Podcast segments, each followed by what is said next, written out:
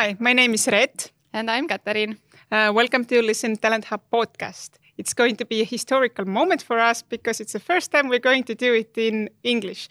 But the main reason is that we have so many amazing people around the world we would like to ask to come to our podcast, but unfortunately they can't speak Estonian. So, historical moment for us. But about today's guest, uh, she's an award winning public speaker, writer, and columnist. She has been recognized as the one of the 100 most impactful and influential figures in Nordic technology scene. Welcome to Talent Hub Post podcast, Katja Toropainen, founder of Inklusiiv. Thank you. Thank you for inviting. Excited to be here. Absolutely amazing to have you. So, but first of all, tell tell us our listener a little bit about yourself and a little bit about Inklusiiv and what's the founding story behind it. Yeah, sure. So my name is Katja Toropainen. I'm based in Helsinki, Finland, so I across the bay from from you. And uh, our mission at Inklusiiv is to create and share knowledge about DEI, so diversity, equity, and inclusion, and then really to support companies and organizations to put it into action to make make progress with their uh, diversity, equity, inclusion journeys, so DEI journeys. And uh, we've been working with uh, 120 plus companies globally at Inklusiiv, and we offer support to them, DEI consulting, learning services, and DEI measuring as well. And top of, on top of this, we also do do research about these topics. There's plenty of things to do still in terms of DEI, like whether it's in Finland or the Nordics or Northern Europe, as, as elsewhere in the world as well and um, that I was like basically seeing through through my work. So previous to Inklusiiv, I was working in the leadership team of the startup and tech event Slush, uh, based in based in Finland uh, too, and uh, I was in charge of the program and speakers at Slush. So I got to follow the technology topics and trends across the across the globe and really learned how much we still have to do with diversity, equity, inclusion topics, both in the technology industry, but in, in business and in the working life uh, overall as well. And after Slush, I really was really passionate about these topics. I was see I had seen how much there is still to be done, but also that there's a lot of studies and research and also best practices. But um, the awareness about these best practices and about this knowledge was still a bit lacking in Northern Europe, uh, to say the least. So I wanted to do something about it. And after Slush, I spent a couple of months exploring what to do next in, in Silicon Valley. And then when I came back to Finland, I had accidentally, like partly accidentally already, like founded Inklusiiv as this kind of community campaign in, in Finland. And, and since the beginning, we've started to to work more with uh, companies outside of Finland as well. So looking forward to collaborating with uh, more and more other DEI experts, but also you know international, globally minded companies that want to build global DEI strategies.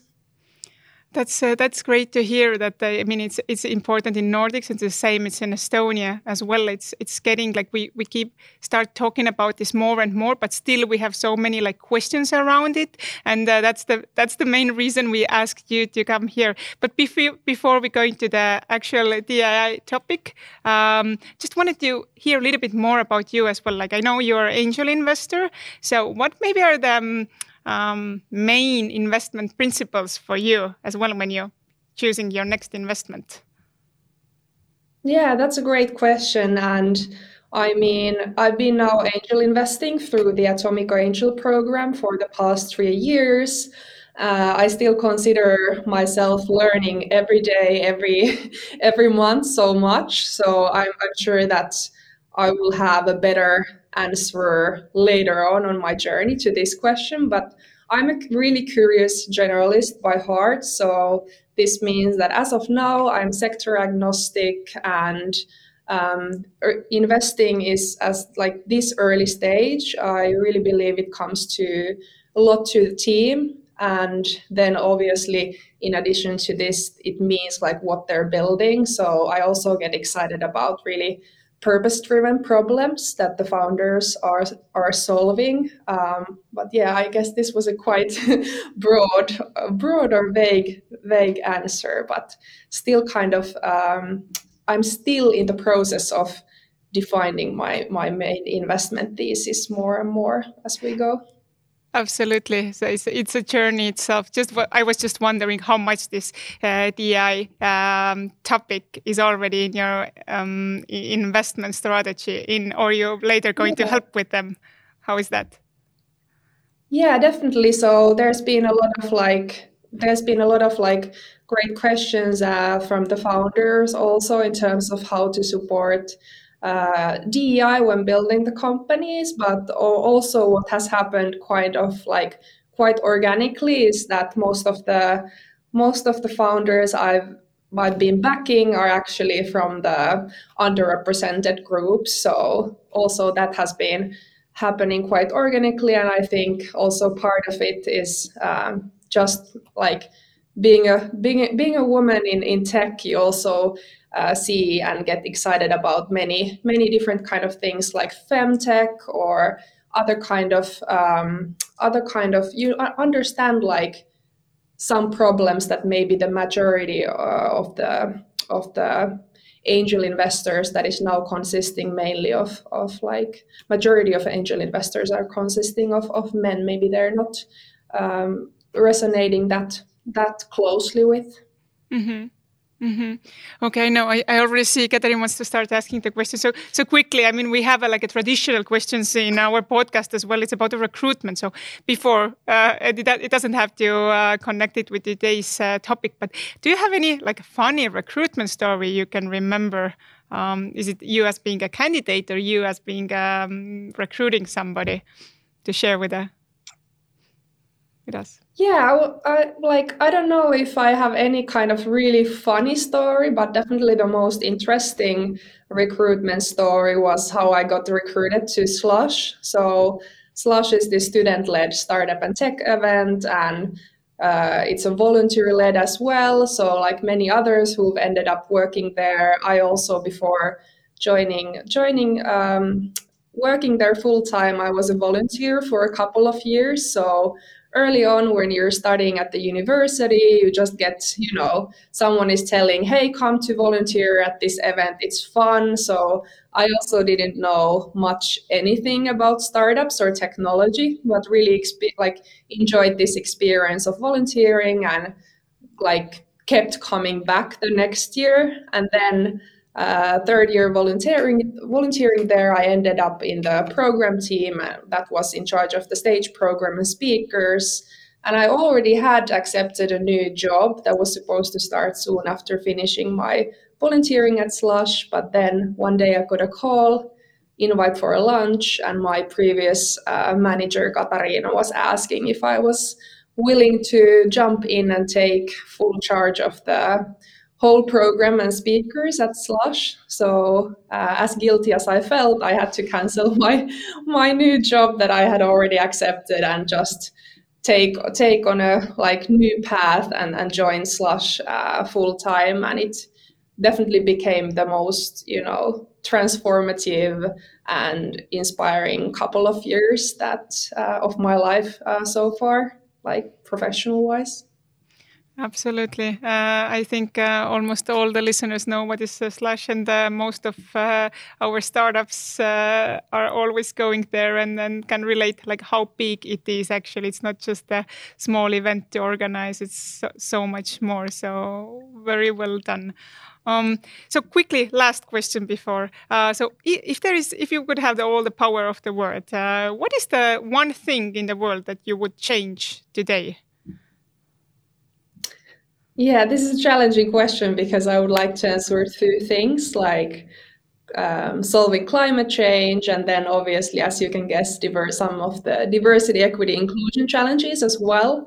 But luckily, like um, actually, DEI topics are interlinked and have a positive connection to climate issues as well. So I'm gonna say solving uh, these huge inequality and inequity issues so that we will have a more um, diverse and equitable and inclusive uh, working lives, societies, and uh, I believe that this would also have a positive impact on on solving the climate issues faster as well.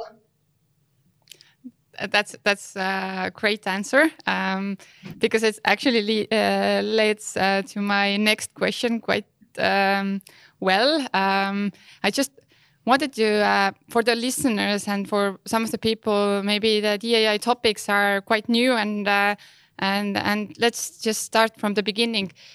So, uh, what is the impact of uh, DAI uh, in in general, uh, and maybe in a company? Um, specific wise, uh, uh, we know know that it also affects the climate change as as well, but uh, maybe why we should or why we are even talking about these uh, things.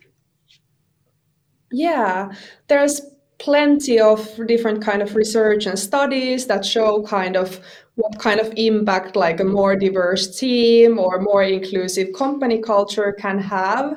So basically in terms of diversity uh, more diverse diverse team or or company. There's a lot of like these different kind of studies that have found like a positive link to uh, positive like correlation with better like financial performance. Then there are studies that show how this can increase you know innovations bringing up more differ, diverse perspectives how it can help also be like build more engaging um, teams and also especially you know all the startups or um, like most of the startups and, and tech companies are wanting to build like they're ambitious they want to build something that is really changing the world. So anyone who's really ambitious and wanting to build a successful uh, company should really uh, pay attention to the diversity because it like it just helps to also build a more globally successful company, maybe enter new markets faster and so forth. But it's not only about diversity, because also there are studies that had found out, for instance, this one Deloitte study has found out that inclusive cultures can be even twice as likely to meet or exceed financial targets and even six times more likely to be innovative and agile and even eight times more likely to achieve better business outcomes. So it makes sense to build more diverse and also inclusive uh, teams and, and company cultures because there's no you know diversity without inclusion. You actually need to build that inclusive culture to really build uh, well performing and, and well working uh, diverse teams as well yeah, of course, you cannot build a, like a global company uh, having only similar people in one one country and and hoping that you have the impact in Asia, in Africa, in America. Like you cannot do it if you don't have like this uh, inclusive, uh, diverse, and uh, equity uh, environment. Um, in your company. But what do you see? What we are, uh, as you mentioned in the beginning, that you are also focusing right now the Nordics and and what you can uh, see currently um, what are the big, biggest things that we in the Nordics uh, struggle the most uh, in regards of uh, DAI topics? Yeah, that's a great question. I would say that first, like uh, challenge is still the awareness. So there's definitely still lack of awareness in terms of even understanding the what diversity actually means how it's much more broad topic than just a couple of diversity aspects. We all tend to kind of approach diversity uh, from our own point of view but it's a narrow point of view or biased point of view. So there's so many different diversity aspects uh, so we need to start understanding diversity as more broadly and deeply and in a more holistic way. But then uh, diversity is actually usually the term that people know, but then still equity and inclusion are well, uh, like less well understood. So there's still plenty of awareness building work to be done to really understand what all of these different aspects diversity equity and inclusion what they kind of mean what are the different benefits what are the different risks if if it's not if DEI is not being advanced at the company, and also how is it related to your business or your industry or or your team? And luckily we've been seeing throughout the past years that the awareness have been raising quite a bit and there's more and more teams and companies even more earlier on the, their journeys that they're wanting to offer trainings to their team. They're wanting to you know learn what this means and define what these these topics mean to their team and for their company. So they can do things better or already like earlier on. And um, still after awareness you need to know what kind of action to take. So at the same time that i'm saying we have still lack of awareness we also need to move from awareness to action to actually do the work and to actually change things. That is then completely another topic. Have you seen the problem that uh, you know people are like little bit afraid of this topic as well. Because uh, what i have seen um, quite often is like you know people are afraid to touch it because they're afraid to be wrong. It's not they don't think it's thing to do but they're afraid that just what what if I'm, I'm going to do it wrong? And then i mean i will be like uh, in a spotlight and and so on. Have you seen this af- afraidness yeah, definitely. I know it comes up a lot, and we've been also uh, helping a lot of different kinds of companies to kick off their DI journey. So, uh, helping them to like hosting the first ever training or kind of session to actually educate the, the team about what this what these terms means and what this work is really about and kind of building that awareness so that the team can also have like a constructive conversations and ask questions. So I think that there is still a lot of this kind of like lot of myths that are out there, kind of that we need to get to discuss. Like there's also worries, there's a bit of fear uh, out there. But what we've been seeing that when companies and teams actually build this place where they have someone, you know, like who actually understand about these topics, kind of educating and building this place and this kind of space where team members can get to ask questions and, and discuss about these topics, it can actually break down and dismantle a lot, lot of this kind of uh, being afraid afraid of the topic and bring a lot of kind of also motivation and energy to kind of understand that this is actually a topic that is for the good of of everyone um, I've seen quite often that uh, uh, companies are focusing uh, only one aspect. I said like, uh, yeah, we need more, like hire more women, or we need more ethical background people, and then it's like tick the boxes, and uh, then we are kind of good to go. Uh, and it comes from the social pressure that's up in the air about yeah, the diversity, uh, of course, which is the first thing uh, that you also mentioned that companies are dealing with. Uh, but do you think that it's a good way to start uh, having only the social uh, uh, pressure, or there must be something com coming out from the company that the, there's deeper why behind the top, like understanding why you should start dealing with DEI topics? Yeah, that's an excellent question. And I mean, sometimes it might be that this kind of incident actually makes one to wake up to these topics, but I definitely think that this, what you mentioned, this why should be the goal. Like, you know, bring out, you know, what these topics are and what it actually means to your team and your culture.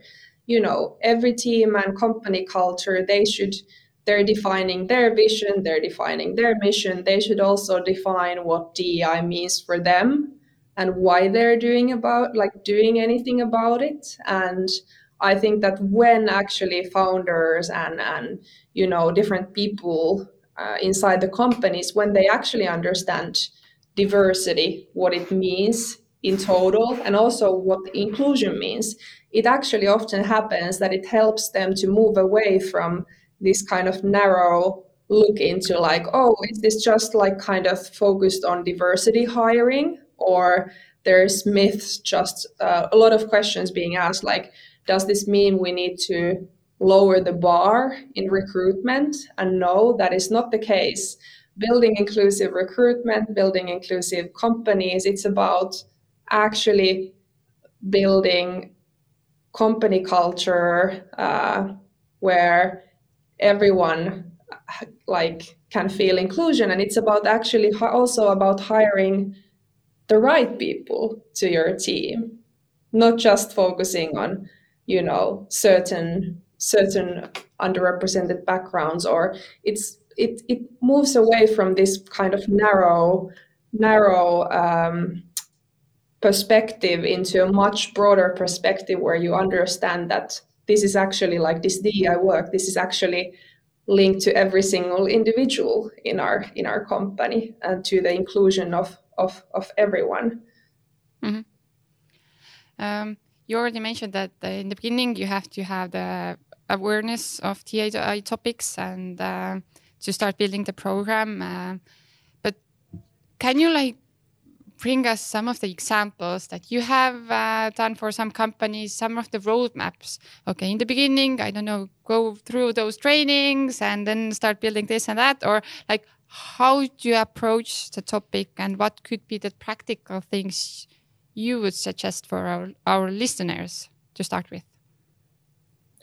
Yeah, I love that question. And, and well, first of all, like we discussed earlier, first you need to start building the awareness to understand what this means for you, how to approach it, and how to start making progress with it. But after a certain level of awareness have been raised, you also need to start understanding where your team or where your company is with these topics. And there's different ways to also assess the current state of DEI in your company, but there's way to gather data and measure these topics. Some of the things you're able to measure yourself as a company, but also a lot of things you're actually not able to measure yourself.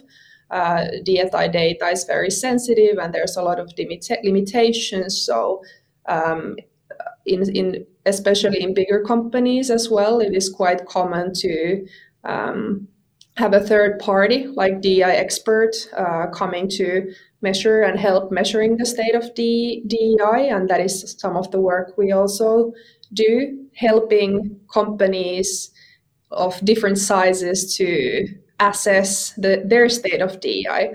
What are their strengths? What are maybe their weaknesses? And what should they be prioritizing to make, make progress with these topics? And after this uh, measuring or assessment phase, then it's the like an excellent place where you can actually build this roadmap. Uh, what are the key priorities you wanna, you know, um, improve in, and also what kind of KPIs uh, you you set up. We we definitely believe that also what you don't measure, you cannot change. It applies to so many things, also to DEI work. So it's so important to also be measuring things. And one of the biggest challenges for companies um, when they're thinking about how to make progress with the DEI journey is that it might feel, it's easy to feel kind of feel of being stuck because this is such a complex topic. A lot of people have different kind of ideas and uh, thoughts, and, and it's easy to get stuck. But uh, that's where also DI experts can help, like be there to spar with you or help you to navigate and prioritize because um, no one is actually like no one is perfect or no no individual or no organization or no society has kind of achieved it or is there yet. So it's a continuous journey.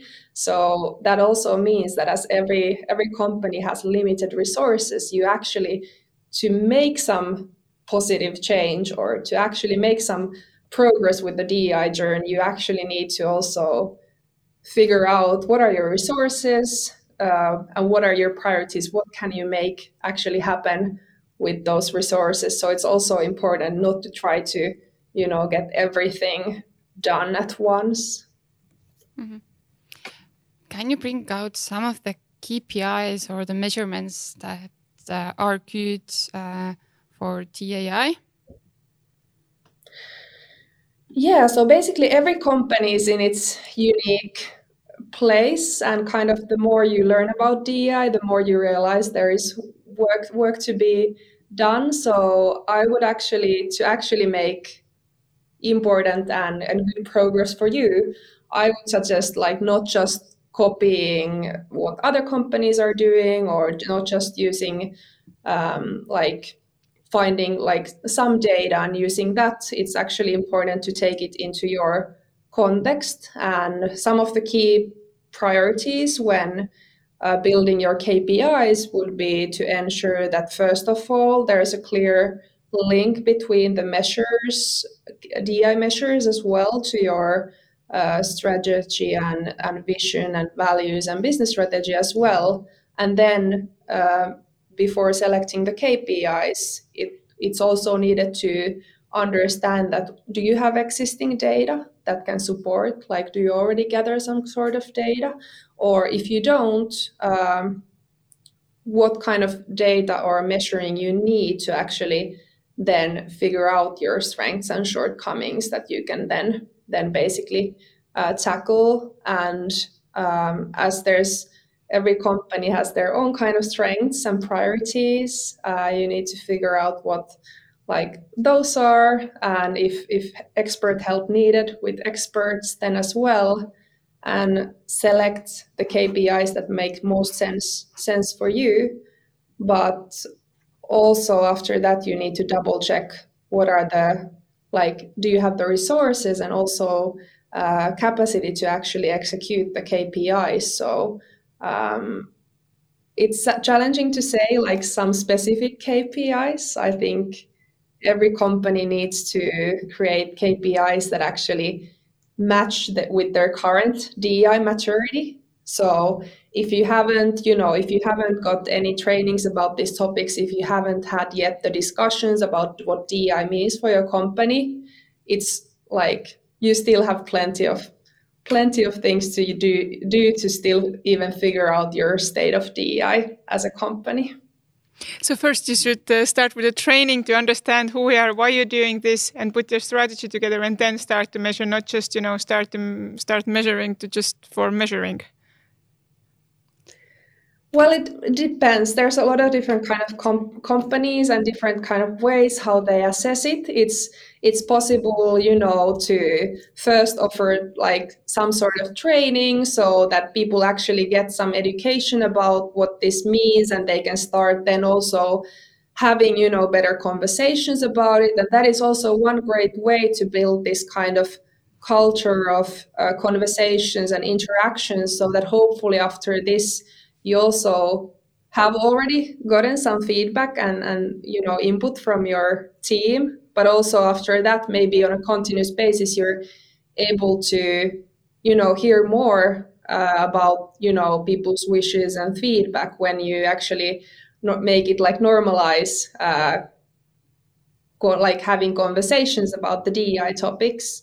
But another avenue it can happen after the training or then earlier is also to start assessing uh, assessing different things like assessing either your recruitment process or assessing your uh, company culture. There's many avenues. Some some companies for instance they have already like figured out like oh we need to do something in our recruitment. So so then they might want even like uh, either consulting or expert support or training for their recruitment team to build more inclusive recruitment process so there's many different places where the change usually like starts but most often it starts somewhere near either legal or hr and then it starts to move when it like moves forward then actually when the, the leadership is on board and where there is the buy-in for from the leadership team for the DI topics, that's when the real like cultural change can start to happen when there is leadership buy-in support from them and, and also needed resources for for starting to advance the, the journey. Yeah, because if leaders understand the business impact, of course they then it comes uh, usually with that. But uh, uh, for me, it seems that it uh, requires a lot of work with your conscious and unconscious biases uh, for actually understanding where are you, you as a person standing and where is the company standing in regards of having those uh, questions over the like is it okay to speak like this and have those uh, insecure questions maybe everyone has uh, in their mind? Like is it okay to act like this? And uh, what is okay and what's not? And how to overcome your my uh, own personal uh, biases uh, also in the recruitment process. So i really like the initiative that you had also providing the unconscious bias training for the VCs uh, and uh, have the chains uh, coming from there. So, do you agree that it's also good to start uh, to have this unconscious bias training uh, uh, to kick off all the TAI topics in your company and organization? Yes, great question. I think like learning about unconscious biases is definitely needed and uh, trainings about unconscious biases help to learn about the topics. Uh, different studies show that just offering unconscious bias training to the team doesn't yet have an impact or actually change anything, but it's also learning about unconscious biases is a needed uh, part of awareness building because that actually affects like has an impact on our on you know on our work it might you know lead that we are making uh, subjective decisions instead of the objective or the the more rational ones. It might lead to unconscious bias can lead to overlooking great ideas or undermining individual potential or then also affect who we hire or reward or mentor. And if left unchecked, unconscious bias can also lead to discrimination. So we definitely need to mitigate it. And there's two different ways and avenues. One is this kind of personal learning, like we can, as individuals, we can learn about biases and do bias testing and uh, become more aware of our biases. And then when we discuss those in the team and when we we hopefully normalize the discussions about biases, then hopefully also other team members are able to mention or say if they notice notice some kind of biases because it's like it's impossible to learn to you know notice your, all of your own biases. So um, after learning about biases yourself then the second second kind of phase is to building a more diverse team where you know people have different kind of perspectives and they can you know uh, spot different kind of biases and then also in terms of processes and practices for instance in recruitment there's plenty of things that one can do to mitigate biases as part of the recruitment process so that it's not just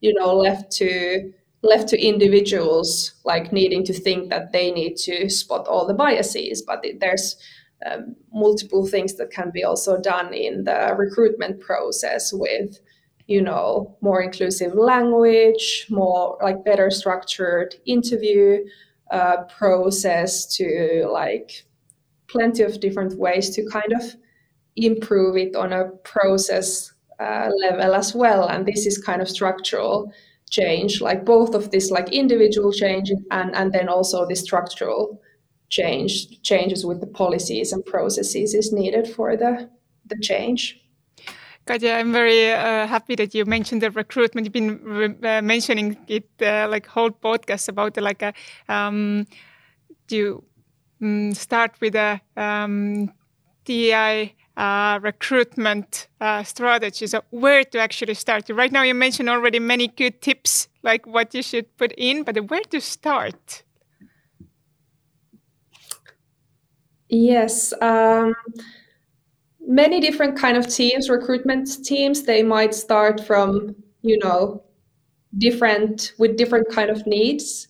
Like some of the teams, they definitely want like training about inclusive recruitment, like and with this kind of need, you know, we are able to then do a proper like full training where we're also able to, you know, um, both like educate about in what kind of different like as different part of the recruitment process and the funnel is actually quite long so you can have an impact in like multiple multiple ways as different parts of the process. So it's possible to go through that full process um, or and and then also have the team kind of workshopping what kind of priorities they have. So for instance like where they need to where they think they need to go and what with what kind of things they think that they, they should improve the the things. But for any kind of team thinking of recruitment and inclusivity some really easy things to start from are for instance uh, inclusive language in job posts like have you run your job posts through the for instance softwares that are able to notice if you have some uh, non-inclusive uh, language there so there's actually quite a lot of biases that can already affect who is going to apply to your posi- like job post based on the language you're using uh, another thing would be thinking about do you have enough diversity in your team? So, do you have enough diversity in kind of who is assessing the, the candidates as well? And the third would be like, do you have a really structured, like well structured um, kind of recruitment process so that it doesn't, you know, just happen that uh, you leave too much for the bias biases because then it can happen that you easily like end up asking very different kind of questions from different candidates or and then notice that oh you really bond with this one who has the same hobby hobby as you have or some kind of similar qualities. So also to ensure that you're actually hiring hiring the you know the person with the right right skills and and the person you're looking for instead of you know these easy, easy biases that might just make one to you know have like have like uh, beer beer with you instead of finding the best colleague. Mm-hmm. Quite often, what we have heard or seen is that uh, that um, um, DI is uh, like a pipeline problem. Like in ethically in this region, we just don't have those people, or in tech, we just don't have enough uh, women. What do you think of this problem? Is it the actual problem, or how you see it? it's part of the problem. Like obviously there's like a smaller pipeline, but it doesn't mean there's no women or no underrepresented groups of people. And for instance, this one study by Accenture in the US, they found out that actually 50% of women in tech leave the industry by the age of 35.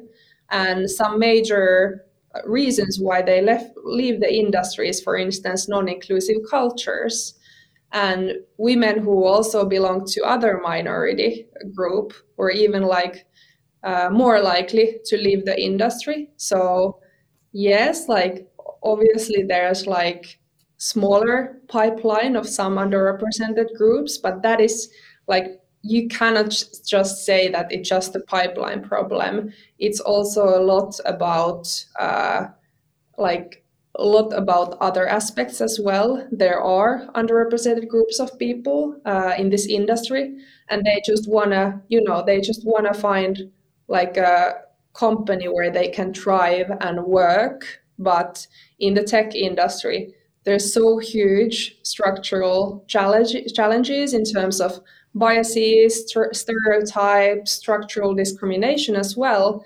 So, any company that actually wants to be an equal workplace for people, like in an equal way, they actually need to proactively advance DEI topics because structurally, if you have a company already in the tech industry, there is biases and stereotypes and inequality, structural inequality in, in place. So unless you do proactive work about DEI, um, then you actually I don't think you can say that hey it's a it's a pipeline issue. But what can be the proactive uh, things that the company can do in uh, uh, solving those uh, problems? Yeah, there's many different ways. Like one of the first things is to think about your uh, brand and communications you know what kind of do you have an inclusive brand? What kind of communications you uh, have? Is it attractive to also to the underrepresented groups in tech? Do you have diversity in your team? We know that a lot of uh, candidates from the underrepresented groups they already like are assessing hey do i see like similar people than me inside this company and do i see similar people uh, like me in leadership positions in this company? Um, these kind of things already already like affect. So um, in addition to that because obviously we still have a lot of uh, lack of diversity in, in tech and in especially in leadership positions if if you want to build a diverse diverse teams start communicating about your DEI um, kind of DI work. Like employees are expecting a lot more also transparency around like and asking more questions in interviews like um, how how do you approach DI topics and um, do you educate your employees about this? So the more upfront you can also be about how you like how do you define DEI for your company culture and what kind of work you do, that helps as well. Also, uh, we've been at Inklusiiv, we've been positively surprised by how since uh, we've had as part of our recruitment process, the first phase is uh, of the recruitment process is anonymous. We've had a lot of candidates who have, who have actually like candidates from uh, underrepresented backgrounds who've been saying that actually I was encouraged to apply because I saw the first phase is anonymous. So more you also communicate and, and do this kind of small things, they actually communicate things already uh, more than you maybe think to your candidates and can actually have a big impact on who is actually even deciding deciding to apply for the company.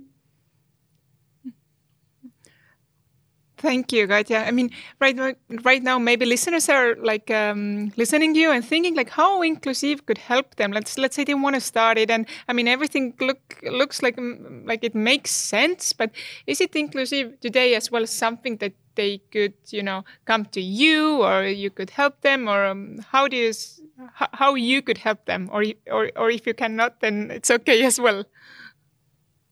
Yeah, definitely. Like we're open to helping everyone. We have like open for all, like we have this resource bank on our website, inklusiiv.com. You can find this kind of resource bank where you can find interesting, you know, uh, pieces about DEI topics. So anyone can go find interesting pieces from there. In addition to that, you know, if you're wondering about these topics or thinking what your company could do about it, feel free to reach out to us. Uh, we're always happy to help, and we're actually working with a lot of like companies, uh, even from like early startup phase to to a phase where companies are publicly listed. So we're working with a lot of different sizes of companies and and helping them. Earlier, when they're smaller, it's very different kind of uh, help that they're needed as compared to, um, let's say, when you're a public public company. But we're be working with with companies supporting them with their DEI change. So if anyone is wondering wondering like what they should be doing or want to wants to chat, definitely reach out to us.